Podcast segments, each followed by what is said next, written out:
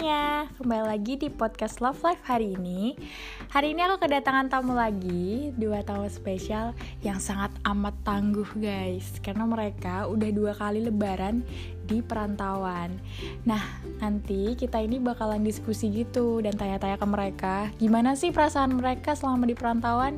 Kita langsung aja sambut dua tamu kita Jeng jeng jeng. Jeng. Yang pertama ada Halo, nama aku Iin.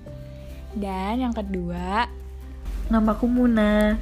Wah, Muna dan Iin Oke guys, kita mau tanya-tanya kabar dulu Gimana nih kabar kalian hari ini? Buruk.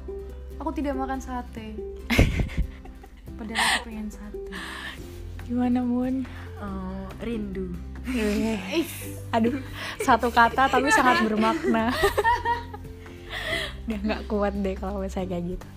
Oke kita lanjut ke pertanyaan yang pertama. Sejak kapan sih kalian gak pulang? Dan sekarang kalian kan di perantauan nih Kalian lagi sibuk ngapain? Mulai dari Muna dulu kali ya. Oh ya, aku terakhir pulang Februari akhir. Jadi eh, kebetulan setelah eh, aku pulang itu langsung ada pandemi ini, jadi nggak bisa keluar-keluar. Terus sekarang ya kesibukannya kerja aja sih, jadi budak korporat. Weh, jadi budak korporat guys katanya Tapi nggak apa sih sibuknya itu menghasilkan uang Yang pentingnya tetap digaji Ya Alhamdulillah. Alhamdulillah Oke selanjutnya Iin Gimana nih Iin? Aduh, dari kapan ya? Kayaknya dari Februari deh sama kayak Muna. Soalnya waktu itu lagi ada acara gitulah. Terus balik, eh waktu balik, balik-balik ke Jakarta, oh, terus udah pandemi deh. Abis itu udah nggak bisa balik lagi, terkurung di kosan sampai hari ini, sampai beberapa kali lebaran sih. Ya gitulah pokoknya. Nggak bisa dideskripsiin perasaannya. Pokoknya udah nggak tahu sampai nggak tahu gimana rasanya pulang lagi ya kayaknya Udah lupa Ya udah lupa kayaknya kamar di rumah juga udah berdebu nih. Sampai waktu pas kita pulang kayaknya nanti udah nanya Ini siapa ini? yang Kamar penting, yang penting jangan dihapus dari kakak lah. Ya bener Oke selanjutnya aku pengen nanya nih Pertanyaan yang penting mungkin buat kalian Siapa sih orang yang paling kalian kangenin? Iin dulu nih kayaknya Siapa Iin? Siapa ya? Hmm, kamu?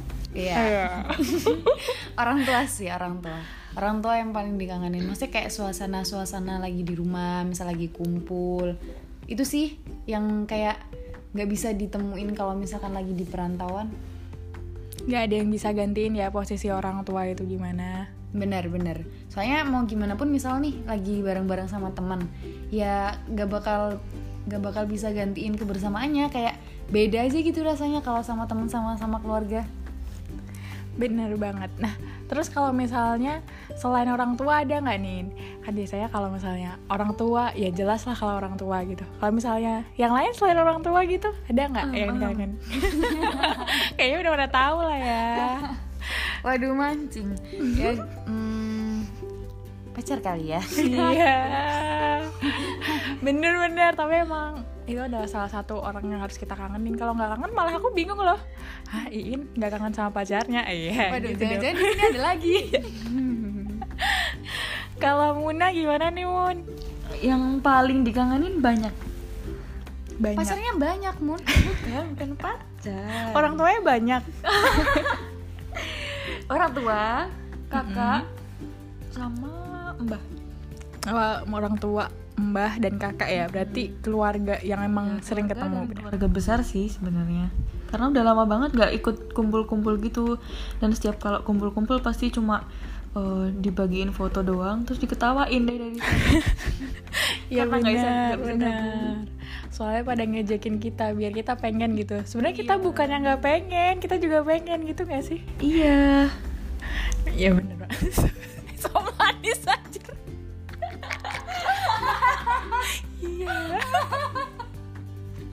pengen ketawa aku. Selanjutnya aku pengen nanya nih. Apa sih arti orang yang paling kalian sayang itu? Jadi yang misalnya kalian kangenin tadi, contohnya Iin kan ada orang tua sama pacar, terus Muna ada keluarga dari mulai orang tua, kakak, terus mbah. Nah, arti mereka bagi kalian itu apa sih?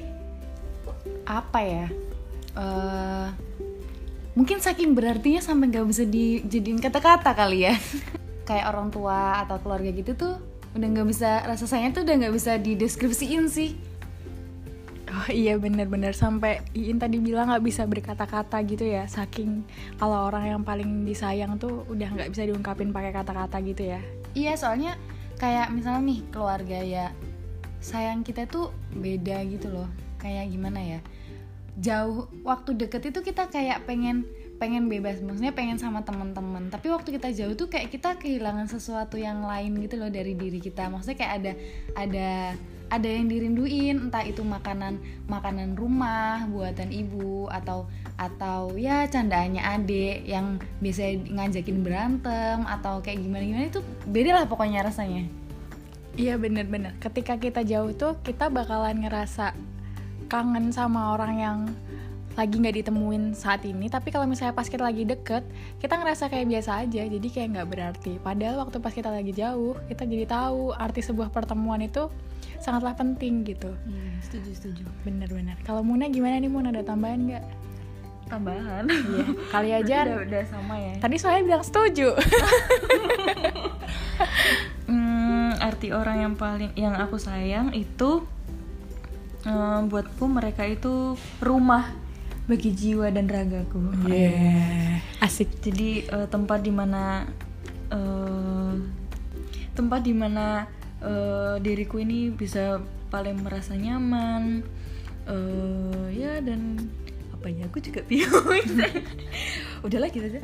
Oh, jadi maksudnya Muna sebagai rumah itu mungkin jadi tempat buat kamu jadi diri kamu sendiri gitu ya, Mun? Iya benar maksudku kayak gitu. Parah sih emang kalau misalnya udah kita sayang sama seseorang tuh kadang arti orang yang kita sayang tuh sampai berarti banget gitu ya. Berarti banget, arti berarti. Gimana susah gitu kalau misalnya orang-orang pasti mau mendeskripsikannya. Terus hal-hal yang paling kalian kangenin dari orang yang kalian sayang itu apa menurut kalian? hal yang aku paling kangen kalau misal lagi di rumah itu apa ya makanan sih. Makanan rumah itu yang bener-bener gak bisa digantiin itu. Mau beli di restoran mewah bintang 5, bintang 6, bintang 10 itu juga gak bisa gak bisa gantiin lah rasanya tuh beda beda. Bener-bener masakan ibu ya. Soalnya kita dari lahir makan makanan dari ibu kita gitu. Jadi kayak nggak ada yang gantiin. Udah kecap di lidah kita mau enak mau nggak enak itu makanan yang menurut kita enak gitu. tangannya tuh juga beda Iya, Entah tangannya tuh kenapa kayak rasanya tuh mau dia asin mau dia manis itu kayak enak aja gitu loh bagi kita Bener emang tangan mama-mama tuh beda lah sama tangan orang-orang yang jualan-jualan di pinggir jalan mau di restoran atau apa tuh beda lah gitu rasanya. Sebenarnya mungkin bukan rasa makanannya, tapi lebih siapa yang buatnya. oh kasih Ya. sayangnya kali Iya ya bener, kasih sayangnya. Kalau Muna apa nih Mun? aku quality time jadi kalau waktu di, eh, kalau sama keluarga itu aku sering sih pergi bareng Hmm. jalan-jalan terus makan bareng ya walaupun nggak mewah sih ya cuma makan-makan biasa di dekat rumah tapi ya bermakna terus yang beda banget dari perantauan sama yang di dari de- yang beda banget antara di rumah sama di perantauan itu adalah kalau di rumah itu rame. Kalau di iya, iya. perantauan kan kita sendiri sama teman beberapa. Tapi kalau di rumah itu aku, oh ya walaupun cuma ada beberapa orang tapi tetap ngerasa eh, nggak kesepian Iya bener-bener Kalau misalnya di rumah Karena tadi Muna juga bilang Dia tuh kangen dari orang-orang rumah Karena quality time-nya mungkin. Jadi kangen sama momen-momen di mana lagi bersama-bersamanya gitu ya. Jadi makanya juga ngerasa rame aja kalau sama mereka. Padahal sama teman-teman juga bisa rame tuh. Tapi Muna kurang aja. Mungkin kalau misalnya pas kamu lagi di rumah Terus tiba-tiba bisa aja kangen sama teman-teman tuh Mun iya emang kita kan emang kurang bersyukur gitu ya. Kalau di perantauan kangen di rumah. Kalau di rumah kangen perantauan gitu. Bener banget, emang kadang kita tuh ngerasain kalau misalnya lagi jauh kita kangen. Yang saat itu kita tidak bisa bertemu, bener kan? ya benar Nah kalian nih guys, aku pengen tanya hal yang paling penting dari di antara yang penting lainnya kan yang lain tadi juga penting sih. Tapi yang ini yang paling penting. menurut kalian berkah dari pandemi ini apa nih untuk diri kalian sendiri terutama untuk kalian kan anak rantau ya berkah dari pandemi sendiri ini bagi kalian apa? Siapa duluan nih? Iya siapa yang mau jawab nih? Aku. Oke. Jadi berkah yang aku dapetin selama pandemi ini, mm, menurutku pandemi ini mengajarkan keikhlasan. Masya Jadi Allah. keikhlasan untuk mengorbankan waktu dan kebersamaan kita yang seharusnya bisa eh, dihabiskan bersama orang-orang yang kita sayang, yang paling kita sayangi maksudnya.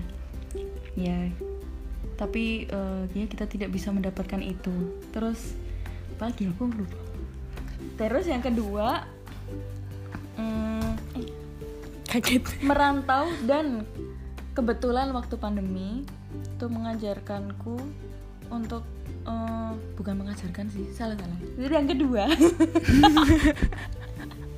Yang kedua mera- merantau selama pandemi itu eh, membuatku bisa membuka eh, Bisnis. bukan membuka pengetahuan dan apa ya? Ah, aku aku nggak tahu itu materinya pokoknya tuh aneh loh. Kamu tuh mau ngomong apa sih Mon? gini loh maksudnya. Ya udah kalau pakai bahasa Jawa kalau nggak ngerti. diem dong. Yang kedua. Apa sih aku lupa? Hidup. iya iya. Yang kedua hidup yang paling nyaman adalah hidup yang eh, bersama dengan orang-orang yang kita sayang Oh jadi maksudnya gimana tuh Mun? Berarti kamu cuman bahagia kalau misalnya berada di dekat orang-orang yang kamu sayang gitu. Bukan gitu sih. Tapi maksudku ternyata untuk merencanakan masa depan itu perlu pertimbangan sih lu. Jadi pertimbangan salah satunya adalah apakah kita siap untuk hidup jauh dari orang yang paling kita sayang. Itu sih. Oh iya benar. Tapi kan kalau misalnya kamu menikah, kamu hidup juga sama suami Mun. Nah, itu dipikirin nanti ya. Ah, gitu ya. Maksudnya, tapi kan berarti Eh, aku loh nggak Sayang. tahu sama siapa. iya maksud aku kan kamu sayang sama orang tua kamu. Kamu jauh sama orang tua kamu, tapi kamu sama suami kamu. Itu nanti dibahas di podcast yang terpisah ya. Oh. Awalnya belum terpikirkan gitu ya. Konteksnya beda. Oke, next kita nanya ke Iin. Gimana nih Iin menurut kamu? Gimana ya? Eh, berkah selama pandemi ya? Banyak sih. Mendewasakan lebih. Yang paling utama sih mendewasakan sih. Soalnya apa? Dari kita yang bisa manja-manja bisa kayak ya bisa jalan-jalan dan sebagainya. Terus kayak dilatih buat ikhlas dilatih buat apa ya? Dilatih buat sayang. Terus kayak jadi sadar gitu loh. Kalau misalkan waktu itu nggak bisa diulang kadang mikir kalau misal kalau misal nih mau maksain pulang waktu pandemi kira-kira tuh eh, bakal bakal aman gak sih buat orang tua kita, buat keluarga kita? Jangan-jangan nanti waktu kita dateng, eh ternyata kita malah bikin bikin masalah gitu loh, malah kita malah kita nggak bisa ketemu mereka lagi gara-gara gara-gara pandemi ini yang kita paksain buat pulang. Bulat ya aku ya. Enggak sih, benar. Terus jadi mikirnya kayak ya udahlah ditahan dulu, sabar dulu buat esok yang akan yang indah pada waktunya. Enak. Iya, bener banget. Jadi poinnya aku dapetin itu lebih ke gimana kita bisa menghargai waktu kapan pun itu. Jadi waktu kan bener kata yang tadi nggak bisa diulang. Nah, Muna tadi kan bilang kalau misalnya kita lagi jauh dari orang tua kita bisa kesadar gitu kan. Gimana nanti waktu pas kita hidup memang bener-bener jauh dari orang tua. Kita juga nggak tahu umur mereka sampai kapan dan kita masih bisa ketemu lagi atau enggak jadi kita harus memanfaatkan waktu itu sebaik mungkin. Dan selanjutnya itu kita juga diajarin untuk gimana kita ngam- ngambil keputusan agar tidak merugikan semua pihak gitu. Jangan berdasarkan keegoisan kita. Gitu nggak sih guys benar benar benar. Benar. Soalnya kalau misalkan kita mau egois itu bisa sebenarnya. Kayak mau Bener, pulang bener. mau maksain pulang tuh bisa. Nyolong nyolong naik bis atau apa itu bisa. Cuman ya ya mikir ke depannya. Maksudnya hidup di sini tuh kayak bukan cuman kita gitu loh. Kita punya keluarga kita punya teman-teman. Kalau misalkan kita maksain sesuatu kemudian membahayakan banyak orang itu kayak apa ya? Kayak ngerasa bersalah dan bersalah ngerasa bersalah itu kayak bisa seumur hidup gitu Iya benar daripada kita nanti merasa bersalah seumur hidup dan dihantui perasaan bersalah kita sendiri, mending kita jadi berpikir dua kali untuk beneran pulang sekarang atau pulang nanti-nanti gitu ya. Bukan berarti kita nggak mau pulang gitu kan guys. Iya. Kita hanya mencari waktu yang tepat. Iya. lebih Iya. baik kesepian sekarang daripada kesepian untuk eh, Selamanya.